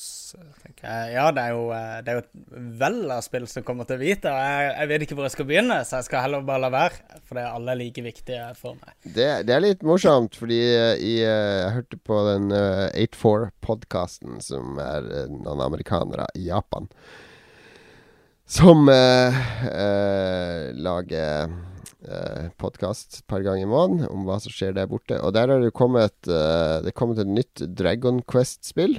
Eh, det er jo eh, Jeg husker ikke hva det Dragon heter. Quest men Builders eller noe sånt heter det. Ja, Builders. Det er kommet på PS4, PS3 og Vita, og Vita-salget er mye høyere enn PS3 og PS4 til sammen, da. For det, det er Japan, ikke sant? Ja. Og Vitaen er jo en vital eh, Eller den er en veldig levende konsoll i Japan fortsatt. Det er liksom Japan som holder liv i Vitaen. Um, jeg kan eh, nevne noen titler i fleng nå som jeg ser ei liste over hva som faktisk kommer i år. Uncharted 4, Fun Fantasy 15, Dark Souls 3, den var mest til dere. Dis Ja, den gleder jeg meg selvfølgelig til. Dishonored 2. Eh, no Man's Sky kommer jo uh, sikkert i 2090. Cup, Cuphead det blir jo et av årets uh, høydepunkt, for min del i hvert fall. Som er veldig glad i tegnefilmer fra den æraen. Gears of War 4, Crackdown 3 Så står Last Guardian på lista over en, en eller annen grunn. Ja. Mass Effect Andromeda. Det er ganske mye kult som er i hvert fall satt opp til å komme i år. da. Jeg tror nye Mass Effecten kan bli litt kul. Det gleder jeg meg til. Ja, det blir kult å dra der til igjen. Men uh, Cuphead, det, det blir stort, altså. Det, det, er, det er lenge siden jeg har gleda meg så mye til et indiespill, men det blir uh, en høydere for min del. Alle jeg har uh, snakka med som har spilt det, sier det er drittight også, at det er et ganske vanskelig uh, eh, plattformspill også. Så det blir gøy. Fett. Pablo Pingvinus er jo selvfølgelig med her òg. Ser det begynner å poppe opp mer seriøse spill til Apple Watch etc. Tror du mobiltelefonen generelt ender opp på håndleddet til slutt, eller er dette et blindspor som er glemt om et par år? Jeg tror, eller tror og tror Jeg håper at, eh, at eh, smartklokker får en egen rolle i, i det der eh, smart-økosystemet, der du kanskje bruker at mobiltelefon er et litt sånn treigere medium enn telefon. Der du, altså det er liksom Twitter, eh, mens mobiltelefonen er Facebook, hvis du skjønner. At, mm. at eh, mobiltelefonen får en sånn fast rolle til sånn bare sånn quick glance til ikke bare sjekke klokka, men sjekke bare sånn mailen som kom, meldinger som kom, og ja, sånn veldig, veldig kjapp info, da. Mens mobilen er mer hvis du skal skrive en lang melding til noen, eller noe sånt. Eh, jeg håper i hvert fall det blir sånn, men eh, jeg vet Det er vanskelig å si. Ja. Problemet er jo størrelsen på skjermen. Det er umulig å gjøre noe på den Altså sånn skrivemessig og sånn. ja, men du har sånn replye. autosvar og sånne Jo, ting. Jo, det, du kan replye, og du Mm. kan også diktere meldinger, som Mm. fungerer veldig dårlig, egentlig. Men hvem er det som sitter på bussen, liksom, Ja, og og skal svare på meldinger og sånn? 'Jeg kommer hjem om tre timer. Skal jeg stikke innom butikken?' Punktum! Ja, det, ja, ja. Eh, Eh, det, ja. det er, og- det er altfor upraktisk. Jeg har gått med Apple Watch nå siden juli. Jeg, jeg bruker den hver dag. Jeg er blitt veldig glad i det, men det er kun for å skrine meldinger. Uh, og få uh, altså alt av meldinger fra de viktige kanalene, de som er notifications på. Det får jeg opp på skjermen der, da, så jeg slipper å ta opp mobilen eller føle Jeg kan la mobilen ligge og slappe av uten å føle at uh, jeg, venter på en viktig melding fra kona mi eller et eller annet. Jeg har, for eksempel, jeg har sånn smartlås på døra, så jeg får melding hver gang den låses opp og igjen. Jeg får en melding på telefon, så da vet jeg ok, nå har sønnen min gått på skolen. Nå er sønnen min kommet hjem fra skolen. Uh, masse sånne praktiske ting, men det er ingenting jeg går aldri på den sjøl for å aktivere ting, bortsett fra trening og sånne ting. Eller for å google noe, eller starte en app. Da går jeg heller på telefonen. Hvis, Men det er eh, veldig digg å, å slippe å fiske mobilen. Det er, en sånn, det er en ganske sånn omfattende bevegelse å hente frem mobilen og åpne tastelåsen og alt sånn. Bare for å sjekke en melding som kommer inn, eller en mail som kommer inn, og så er det spam eller en helt sånn meningsløs melding. Den, den som Apple Watch er best for, er jo tydeligvis sånne Josef Fritzel-karer som uh, må passe veldig godt på hvem som går inn og ut av diverse dører. Hun hadde aldri klart Nei, å stikke av i 2016. Det er en annen ting som er dritbra med Apple Watch. Jeg brukte den i Sevilla i sommer. Det var Jeg plotta inn på, eh, på Google Maps at vi skulle gå til en restaurant, da. Eh, eller søkte opp en restaurant, og så går ute dit, da. Og det, for alle som har vært i Sevilla, gamlebyen der, det er jo som alle europeiske gamlebyer, det er jo en labyrint av sånne to meter trange gater. Altså plotta inn der Altså Vanligvis når du gjør det i, ute i utlandet, så må du liksom gå og sjekke mobilen hele tida. Ok, nå er vi her, og vi skal gå der. Eh, mens når du har det på telefonen, så hver gang jeg nærmer meg et kryss, så vibrerte det i håndleddet, så ser jeg opp, så er det sånn her pil til venstre eller pil til høyre om 15 meter, står det. Så det var bare å gå fremover, og så sier telefonen ifra når jeg skal svinge, liksom. Sånn er det på Android-klokker også. Det er Ja, ja, veldig digg. det, det. var veldig kult. Men det, det er den beste til. Det er sånn proaktive ting. Uh, også når jeg skal kjøre bil, ikke sant, så sier Hvis jeg kjører fast til et sted, ofte så sier mobilen ifra at OK, det er det lett trafikk, og du bør være framme om 19 minutter. Den går ut fra at jeg skal kjøre til det stedet, siden jeg har gjort det før. Uh, den kunne godt sagt ifra om det blir regn om en time. Sånne ting kan en sånn uh, klokke være veldig fin til. Pluss at jeg kan sende tegne peniser og sende til andre som har Apple Watch. Har du Apple Watch? Du hadde Apple Watch, Lars, men du bruker den Jeg ikke. brukte den i tre timer, så bare gidder jeg ikke å lade den opp. Oi, er det sant? Ja, det er helt sant. Jeg orker ikke å ha mer ting. Mer Jeg trodde du var i gang med Men poenget med Apple Watch er at den gir deg færre ting. Og den er Ja. veldig fin hvis du trener, sånn som du gjør. Det er jo pulsmåler og alt på den. Jeg vil ikke se hvor Puls høy puls er. og- Puls, GPS og skritt og alt mulig. Ja, ja. Ja, ja, ja. det er ikke GPS i den, men uh, Er det ikke det, nei? ja. All right. Videre til han uh, Alec Baldwinson. ja. Han Ståle. Det, det, han sier 'Hvilke tanker har vi om Far Cry Primal?' Har vi spilt det? Han har spilt det i helga, og det virker lovende. Eh, vi kan vi først svare på. Jeg tror alle vi sier nei. Vi har ikke spilt det. Ikke spilt det, men eh, apropos det Wild fra eh, Cecil, så, eh, så virker det jo som Far Cry Primal er helt likt. Eller det er det derre sjamanspillet. Li, litt rart at det kommer to spill, sånn sjamansimulatorer, på en gang i, i løpet av ett år. Men eh, jeg har eh, ærlig talt ikke gidda å lese meg opp på det engang, for jeg har vært litt lei av den Far Cry-serien. Men så så jeg litt trailere og så noe video fra det, og det ser faktisk dritfett ut, syns jeg. For en gangs skyld. Så det skal sjekkes ut, definitivt. Ja, Ja. Ikke så interessert, men jeg skal sikkert teste det. Uh, og så lurer han på om det er noe bra drikkespill vi kjenner til å anbefale. Ja, det er, en, uh, det er et godt spørsmål. Der kan vi godt uh, Skal vi lage en topp fem-liste over drikkespill? Skal vi ta og, eh, og liste det her? Skal vi ta den med en gang? Nå går vi Radcrew i, uh, i synet Ok, her. ja. top, uh, Radcrew har topp fem. Vi er hakket bedre, vi har topp seks. Topp seks uh, drikkespill. OK, skal jeg Skal vi begynne begynne? nederst, da? På nummer seks? Jeg begynner nederst. Du får ta sjetteplassen da, Magnus. Eh, jeg vil si Zelda Four Swords har vi hatt eh, noen veldig gøyale Ah, yes. drikkesessions med. Det er veldig morsomt. Yes. Det er veldig morsomt Og det blir bare morsommere når du er full, for da begynner du å tulle litt i spillet. Yes. Altså, det er ikke så vanskelig spill heller. Det er ikke sånn u uoverkommelig vanskelig, så det går fint an å, å spille det med litt promille. Definitivt. Godt valg. Lars? Uh, Singstar bør være med på en sånn liste. Det er kanskje ikke så inn nå, men jeg har hatt det veldig veldig gøy i fylla med Singstar slash Guitar Hero, kanskje. Jeg vet ikke om det er lov å nevne to på en gang, men ja. Noe sånt. Ja, ta begge de. Det er jo sånn sosiale musikkspill. Altså Singstar er jo sånn at det burde kommet med sånn alkolås at spillet ikke vil starte hvis du ikke har eh, en viss andel promille. For jeg har vel aldri spilt Singstar edru, tenker jeg. Mm.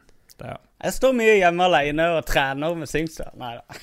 Jeg gjør ikke det. Ok, jeg tar eh, nummer fire. Det er da Bomberman. Eh, eller Super Ah. Bomberman. Bomberman er perfekt drikkespill. Uh, mye fordi det er mange sånn multiplayerspill som ikke funker så bra eh, som drikkespill. Mm. eksempel Mario Kart og sånn. Fordi da må du sitte og fokusere. Et løp kan ta fem minutter og sånn. Og da får du ikke tatt deg noen slurker av ølen mens du kjører. Mens Bomberman er sånn tominuttersrunder, minutters runder. Og så går det fint an å kombinere det med litt sånn shottelek, da. Med at uh, etter hver tredje runde så vinneren må shotte og sånn. Det, det er også en fin måte å utjevne handikap på. Hvis en er jævla mye flinkere enn de andre. Så etter en time Bomberman og seks shot fordi han er så flink, så, så vil du si at ferdighetsnivået hans uh, er mer på de andre sitt nivå. Fjerdeplass, Magnus. Oi, nå ble jeg litt, Nei, eh, tredjeplass. Tredjeplass. Er det min tur nå? Jeg, Ja da. Går det an å hoppe over meg akkurat nå? For jeg husker det, og så glemte jeg det igjen her nå. Det var, det, jeg, hadde, jeg hadde et Ok, klart ta her. tredjeplassen, da, Ta Lars. tredjeplassen. Em, jeg har to alternativer, men jeg vet ikke om de hører mer lenger opp på eh, en tredjeplass. Men jeg kan jo jeg nominere Mm, Nei, jeg kan ikke si det, altså. Det, vi kan ikke bruke det Men du, skal jeg ta det siden jeg- Ja, ta, Skal jeg ta det siden jeg husker det, ja. så det blir riktig rekkefølge? Dette er ikke like mye sånn spill som i gamingspill, men uh, det er noe som jeg tror det fins på PlayStation også. Det er i hvert fall veldig populært på Twitch og på Xbox. Noe som heter Quiplash.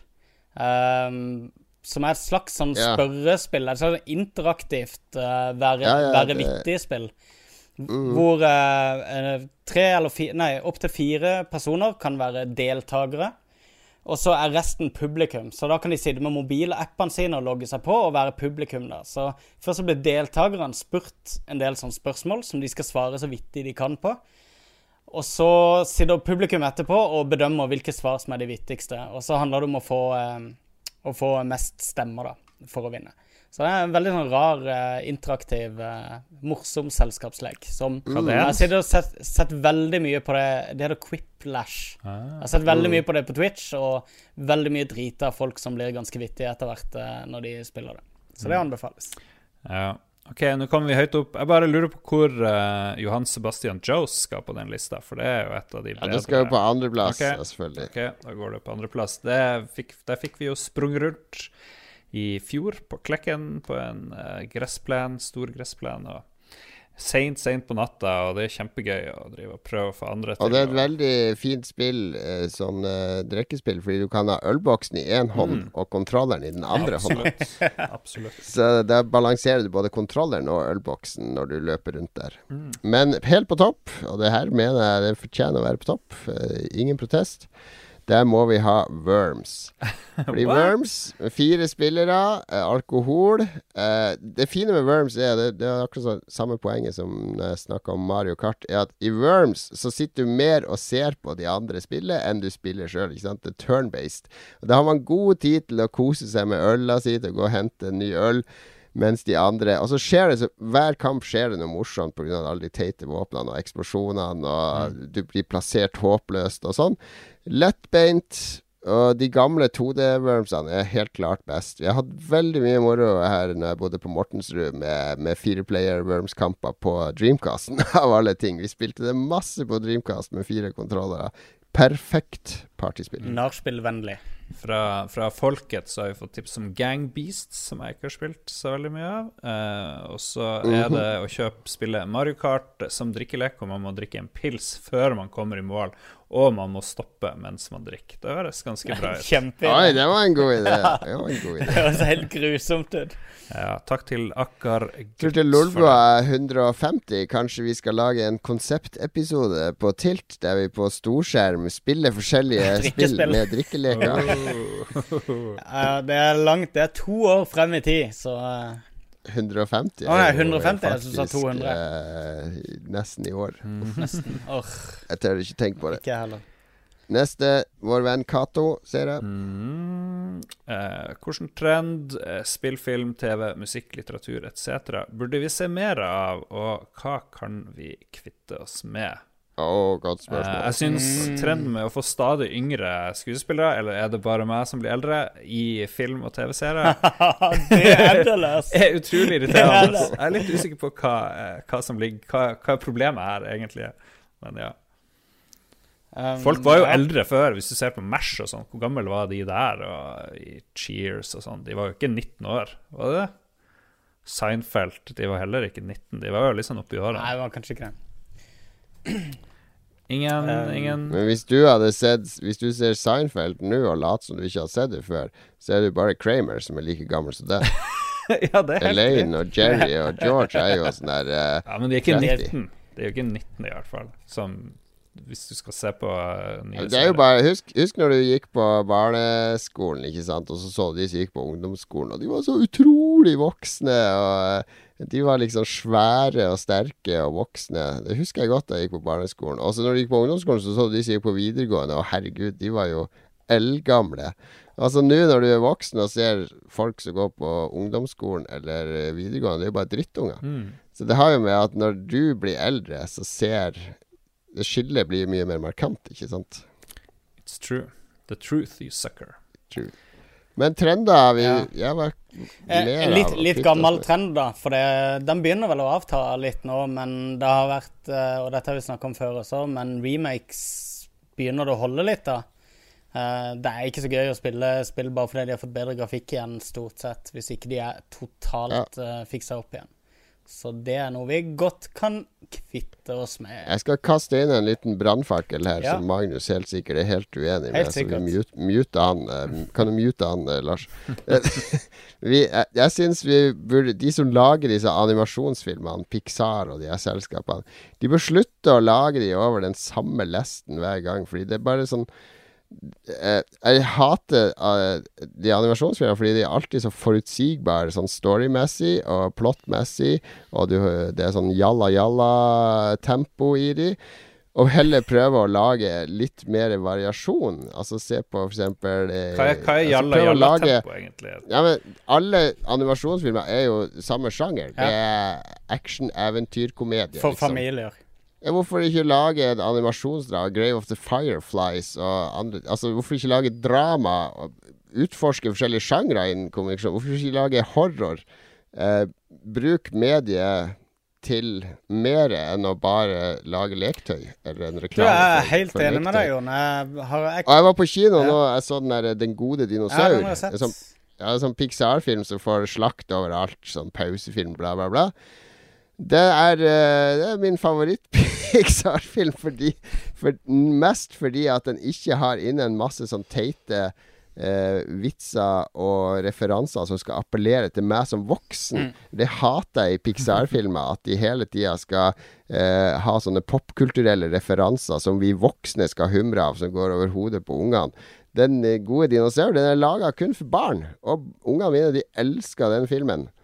Og det syns jeg var helt fint. De har laga en ærlig barnefilm. Ikke sånn som Cars, som også var veldig retta mot barn, men som var mye, mye kjipere enn Gode dinosaurer. Det har masse mangler, den filmen òg, men den var mye mer ærlig, følte jeg, enn mye av de animasjonsfilmene. Så ja, la oss slippe oss at alle animasjonsfilmer er de samme fargerike figurene som hopper og spretter. Ja, enig i det.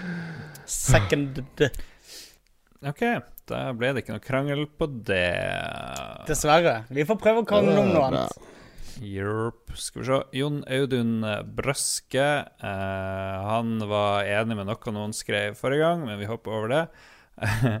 han sier at han har en fascinasjon for 4X-spill, og det er jo sånn her eh, Gjerne ting i rom, eh, rommet hvor du skal conquer og hva faen du skal gjøre. Explore og conquer og ditt og datt. Hva i faen er det det betyr? Explore, expand, explosion, expectancy. Er det det det står for? Men han, han sier han kjøper alltid nye 4X-spill, for så å se andre spille dem på YouTube. Why am I this way? Jeg har faktisk også kjøpt en del sånne eh, utforske og ekspandere i rommespill, men jeg klarer aldri å spille de. Spilte de mest på Amiga eller noe sånt. Jeg gjorde. Am I getting old, sier han. Brøske. Det kan godt hende.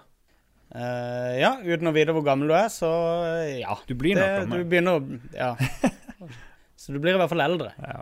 Det kan vi slå fast. Men det ligger, problemet med mange av de spillene er at det ligger veldig mye arbeid i, uh, i det. Å bygge opp et imperie og, og alt det der.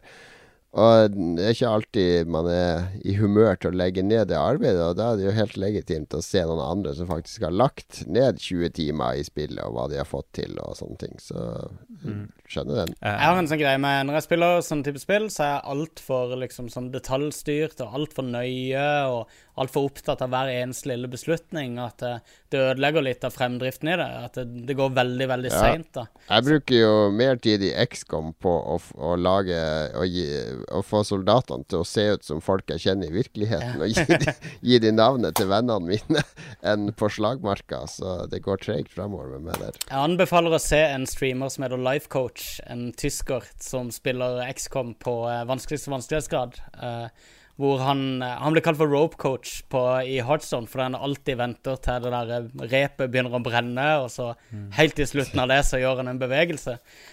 Sånn er han også når han spiller XCOM, bare der er det ingen bevegelser, eller ingen begrensninger. Så han sitter og bruker sånn 20 minutter på hvert trekk, der han sitter og, og høyt på tysk, som en sånn gal professor, sitter og, og tenker høyt og hva som kan skje og ikke skje. og Det er veldig underholdende. Så det treigeste, skikkelig sakte TV, rett og slett. Treigeste underholdninga noensinne har vært ute for. Eh, vår venn Serglien sier på chatten vår her at eh, han har svaret på hva 4X står for. Det står for Explosion, Extreme, Extreme Extremer, det er, det er et engelsk ord, og Extract. Eventuelt så sier han Explore, Expand, Exploit, Exterminate. Takk for det. Jeg tror Mercy. den siste høres bra ut. Mm. Um, ja. Men Ja, det er en igjen. Det er Rolf Helge. Rolf Helge lurer også på om noen av dere har spilt Grandia-serien, og deres mening om det. Uttrykksikonet Wink har akkurat spilt ferdig nummer én og to, og er egentlig ganske fornøyd med serien så langt, med tanke på at det er noen år siden de egentlig ble lansert. Uttrykksikonet smiler. jeg takler ikke den visuelle stilen i Grandia-spillene. Jeg syns det er så manga, hele, hele greia med det. Og jeg likte Grandia-spillene kom liksom da jeg begynte å bli lei av JRPG-spill, så så det er mulig en kombinasjon av, av hard manga og lead, Eller og at jeg var lei av JRPG, men jeg har liksom aldri satt meg ordentlig inn i serien. Selv om jeg kanskje burde. Uh, ja, ja. Det er jo en serie om Grandiosa. Skjønner ikke helt den forkortelsen, men hørte at den er bra. Det stemmer. Pizzaspillet. Ja, jeg tror jeg spilte det første, men jeg husker ikke så mye av det. Jeg hadde Jeg, Spilte jeg spilte veldig mye JRPG på, på 90-tallet. Mest Super Nintendo. Jeg var jo en av de som Oppfant. mente 3D-grafikken ødela JRPGs, for det tok bort karakteren. Men uh, ja, Mm. nok om. Nok om det. Nok om det. Vi må spille litt mer Grandia, kanskje. Grandiosa-låta. Grandiosa. Grandiosa. All right, det var det vi hadde fra lytterne denne gangen. Og det var vel det vi hadde fra oss òg. Ja. Um, neste episode uh, neste uke så um, har vi uh, ja, Er det noe vi kan tease etter den episoden? Nei, kanskje um, Vi kan i hvert fall tease at det blir seinere i uka innspilling enn det det ble nå. Ja, det blir en, ikke en søndag. Nei. Men uh, ja, jeg vet ikke om vi skal si noe. Vi har i hvert fall sannsynligvis veldig mye interessant å prate om om ei ukes tid til. Mm. Ja da, og hvilke spill skal vi sjekke ut fram til neste uke? Skal vi sette oss noen mål? Jeg tror jeg skal teste ut det Kingdom som vi fikk anbefalt. Det har jeg Ja. lyst til å teste ut. Jeg har veldig lyst til å spille mer Bloodborne, for det har jeg dårlig samvittighet for at jeg ikke har. Ja, det holder jeg jo på med litt på å si her. Mm. Kanskje jeg spiller ferdig Firewatch og Jeg må se, jeg skal Ja. levere en uh, skoleoppgave om uh, halvannen uke til. Men uh, det er mulig jeg skal spille litt uh, Far Cry til neste gang. Jeg får Og se om det blir tid. Og Grandia. Masse Grandia på Vitaen min. Skal vi se All right. Um, Takk. Uh, hva skal vi si Hva er som kom? Far Cry Primal, Walking Dead, et eller annet kommer. eh, Plants Å ja, det er mellomspillet, Walking Dead, mellomspillet, det skal jeg spille. Definitivt. Okay, okay. da spiller du The det. Flame in the Flood uh, og Superhot. Er? The Walking Dead. Ja, ja, det er vel omtrent det. Kommer det en ny Bravely-spill fra Nintendo til 3DS. Yes. Hmm. Ja, nei, men eh, vi, eh, vi lover en eh, kul sending neste uke. Kanskje til og med med en gjest, hvis vi får til det. Eh, takk for at du hørte på. Takk til dere som ser på oss live eller i opptak på YouTube. Takk til dere som laster oss ned på Soundcloud, Ja. eller som henter oss på iTunes. Og kan ikke dere som er på eh, Som abonnerer på eller Hvis du ikke abonnerer på podkasten vår, og du har sånn eh, podkastprogram på telefonen din, kan ikke du abonnere, så får vi litt boost på iTunes. Så gjerne gå inn og gi oss én eller to eller tre eller fire eller fem stjerner. Du må velge antall stjerner, men bare gi oss en eller annen stjerne eller en brukeranmeldelse eller et eller annet sånn, så får vi opp eh, vår popularitet. og Da blir vi eksponert for flere, og kanskje vi får eh, inn fetere gjester og ting og stæsj og ting vi kan gi bort. Og, ja. Ja, vi trenger penger til mer narkotika, er det Jon Cato prøver å si. yes. Det er det vi gjør. Det, det er ikke jeg som bor i hasjstad, så det Men eh, ja. Hjelp oss, eh, støtt oss, boost oss. Vi ber ikke om penger som visse andre i Norge.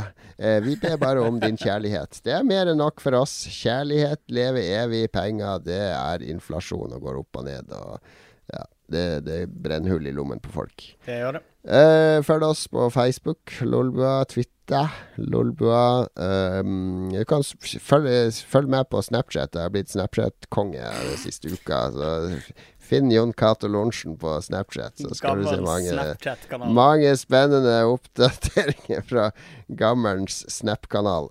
Uh, uh, er det andre steder? YouTube, Lolbua. Uh, den der Silk Road. ja. vi er på vi er, På LO, Lolbua. Du kan finne oss på Peach. Eh, Jodel kan du selvfølgelig finne oss. Egen Er det Jodel i Harstad, forresten? Jeg har jodla litt, uh, så vidt. Men det er jo bare Noe De er veldig unge, de som er på det jodel, så det er litt sånn her eh, er ikke helt og, mange, og mange av dine jodel-tekster har vært bombetrusler til lokale skoler, Lars. absolutt alle siden jeg eh, Og hvor mange av de har du dekka i avisen? Men, men målet må jo være å komme på førsteplass på spill og hobby på iTunes, for der er vi muligens nummer tre, sier han Stian Olsen. Men førsteplass er en strikkepodkast, så vi må, vi må slå strikkepodkasten.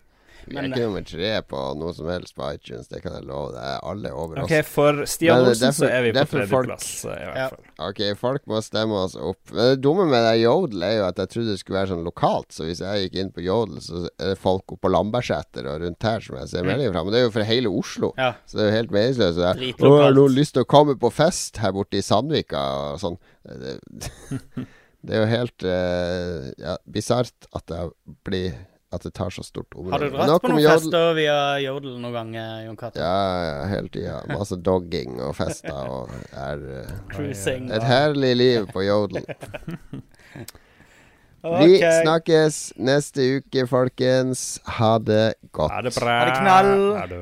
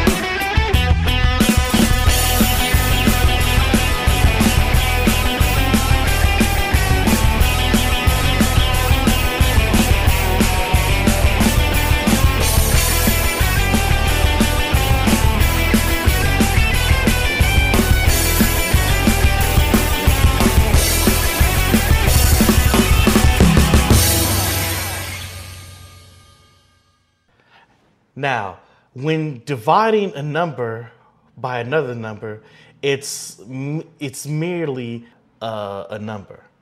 So let's say we have nine.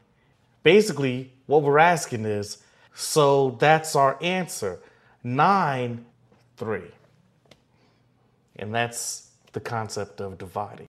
Har du et enkeltpersonforetak eller en liten bedrift? Da er du sikkert lei av å høre meg snakke om hvor enkelt det er med kvitteringer og bilag i fiken, så vi eh, gir oss her, vi. Fordi vi liker enkelt. Fiken superenkelt regnskap.